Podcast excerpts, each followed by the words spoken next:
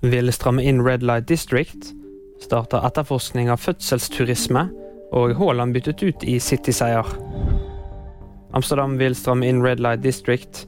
Nå har byens politikere fått nok. De sier at hasjrøykingen ikke lenger må skje på gaten, og at sexarbeiderne må legge seg tidligere. Grepene skal gjøre området tryggere for beboerne og sikre de bedre nattesøvn. Red Light District er mest kjent for åpenlys prostitusjon, og fungerer som en magnet for horder av turister som fester og bråker. Tusenvis av russiske kvinner reiser til Argentina for å føde. Argentinsk politi har startet etterforskning av fødselsturisme etter økt mistanke om at et kriminelt nettverk hjelper gravide russiske kvinner til landet. Alle barn som blir født i Argentina, er automatisk sikret argentinsk statsborgerskap, noe som er svært attraktivt for russiske statsborgere som har mistet flere rettigheter i Europa etter invasjonen av Ukraina. Med argentinsk pass kan russere reise til 160 land i verden uten et visum.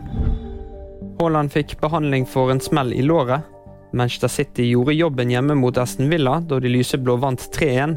En stor strek i regningen var at Erling Braut Haaland ble byttet ut i pausen.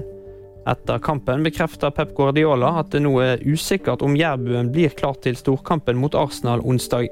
Og det var VG-nyhetene. De fikk du av meg, Kristoffer Gåsvær Torgersen.